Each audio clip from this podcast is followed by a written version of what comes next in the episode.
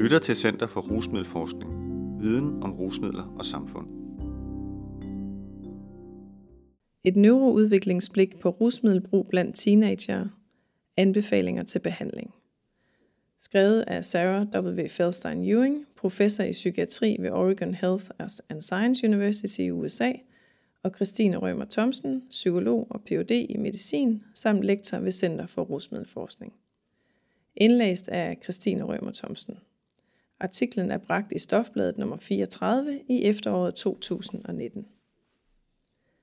Teenager er udviklingsmæssigt forskellige for voksne og har andre behandlingsbehov end voksne. I denne artikel ser vi på rusmiddelbrug blandt teenager fra et neuroudviklingsperspektiv og diskuterer, hvordan denne indsigt kan bruges til at udvikle nye retninger i behandlingen af rusmiddelbrug blandt teenager. Teenageårene begynder med puberteten og afsluttes med, at man er selvstændigt fungerende. Det er ofte i teenageårene, at rusmiddelbrug begynder, hurtigt efterfulgt af potentielle problemer. Det meste af den rusmiddelbehandling, der findes for teenager, er lånt fra behandlingen af voksne. Det er problematisk, fordi teenager udviklingsmæssigt er forskellige for voksne. De står over for andre udfordringer i forhold til neuro- og social udvikling og har typisk et andet rusmiddelforløb. Det kan derfor være vanskeligt for behandlere at vide, hvordan teenager skal behandles. Vi har for nylig publiceret en kritisk oversigtsartikel, der fokuserer på den udviklende hjerne og rusmiddelbrug blandt teenager, hvor i vi udvikler nye retninger for behandling af teenagers rusmiddelbrug. Her præsenterer vi hovedresultaterne. Hjernen i teenageårene.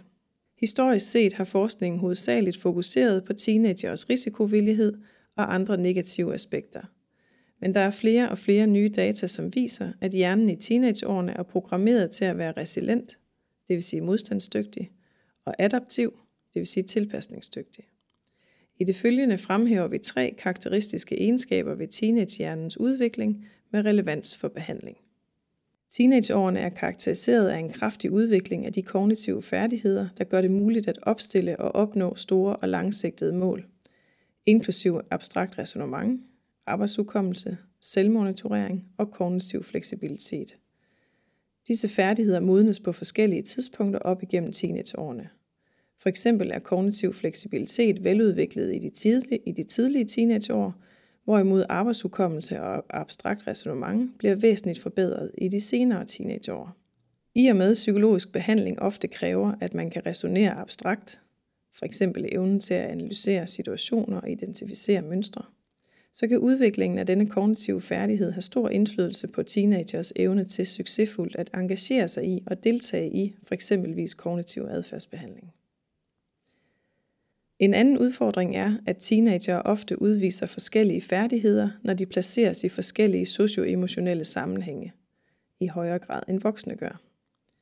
Teenager er også forskellige fra voksne med hensyn til deres voksne færdigheder til effektivt at bruge kognitive strategier til at regulere deres følelser – inklusiv kognitiv revurdering af sig selv og situationen, og emotionel distancering.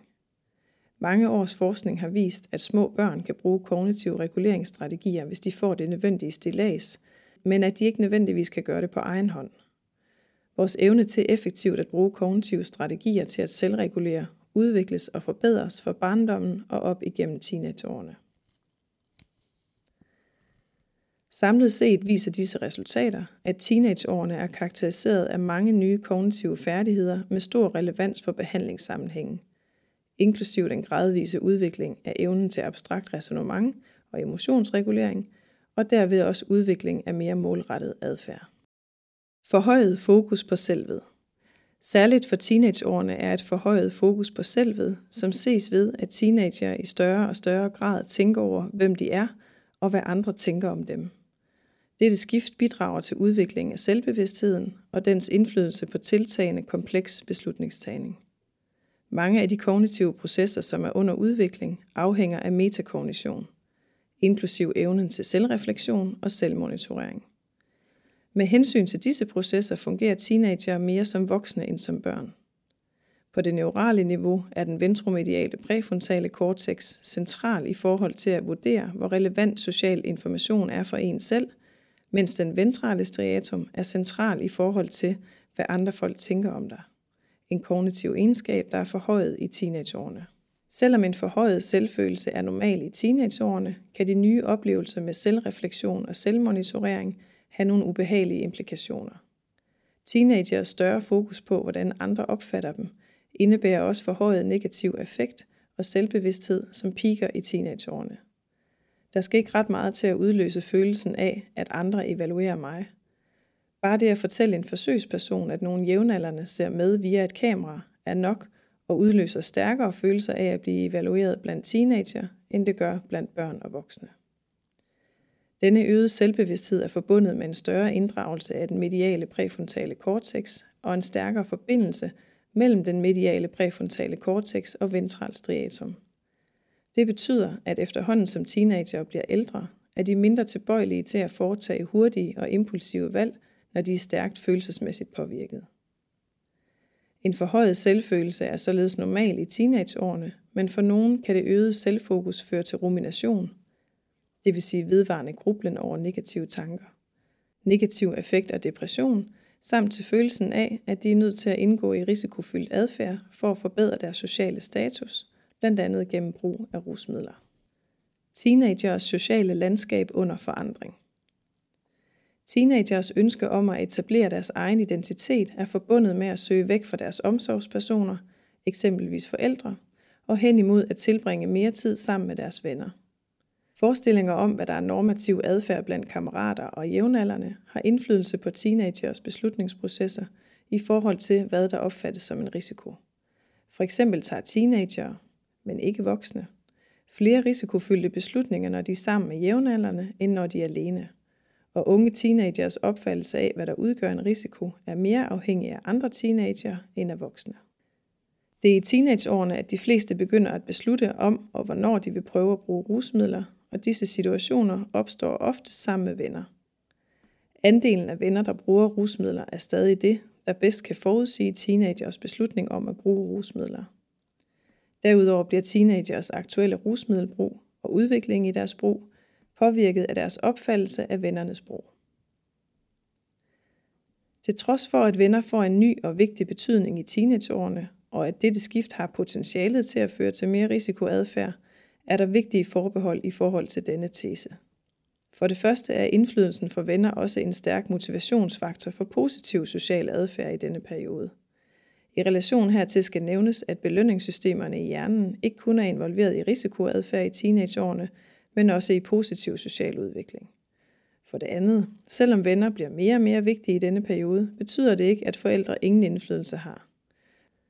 På trods af, at der bruges mindre tid sammen med forældre, kan forbundetheden med forældrene svække indflydelsen af responserne fra de forhøjede belønningskredsløb i hjernen, som er typiske i teenageårene, og derved kan forbundethed med forældrene være med til at beskytte teenager mod risikoadfærd, stress og endda depression.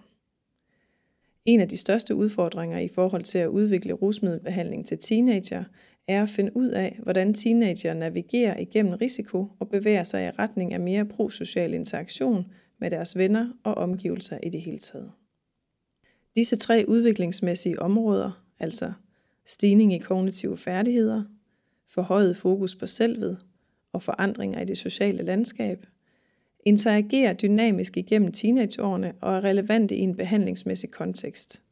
Det er afgørende at tage hensyn til samspillet mellem disse områder for at forstå teenagers udvikling og for at udvikle effektive programmer til forebyggelse og behandling af problematisk rusmiddelbrug blandt teenager.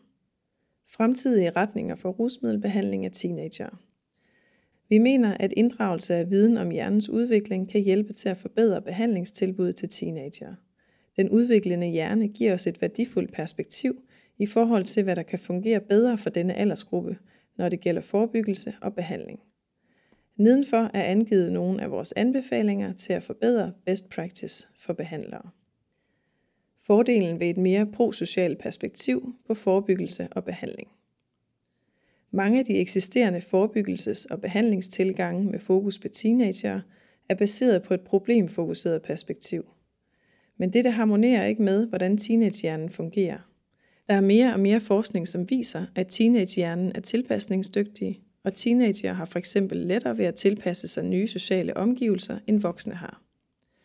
Hvis man tager et adaptivt fokuseret perspektiv, der benytter sig af og øger teenagers eksisterende styrker, med hensyn til resiliens, naturlig tilbøjelighed til kognitiv fleksibilitet og øget prosocial adfærd, det vil sige adfærd, hvor man hjælper andre, så vil det sandsynligvis føre til bedre behandlingsresultater. Utraditionelle, men potentielt meget effektive eksempler kunne f.eks. omfatte tilgange, der inddrager teenager i at hjælpe yngre venner eller jævnaldrende, sætter unge med et problematisk rusmiddelbrug sammen med mere succesfulde unge i samme aldersgruppe, og involverer teenager i tiltag, der fokuserer på positive ændringer i deres vennekreds og i større sociale fællesskaber.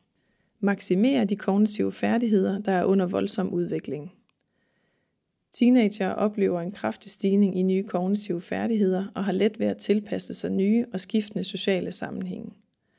Sammenlignet med voksne er teenager klart bedre rustet på et neuralplan til at modificere deres adfærd succesfuldt.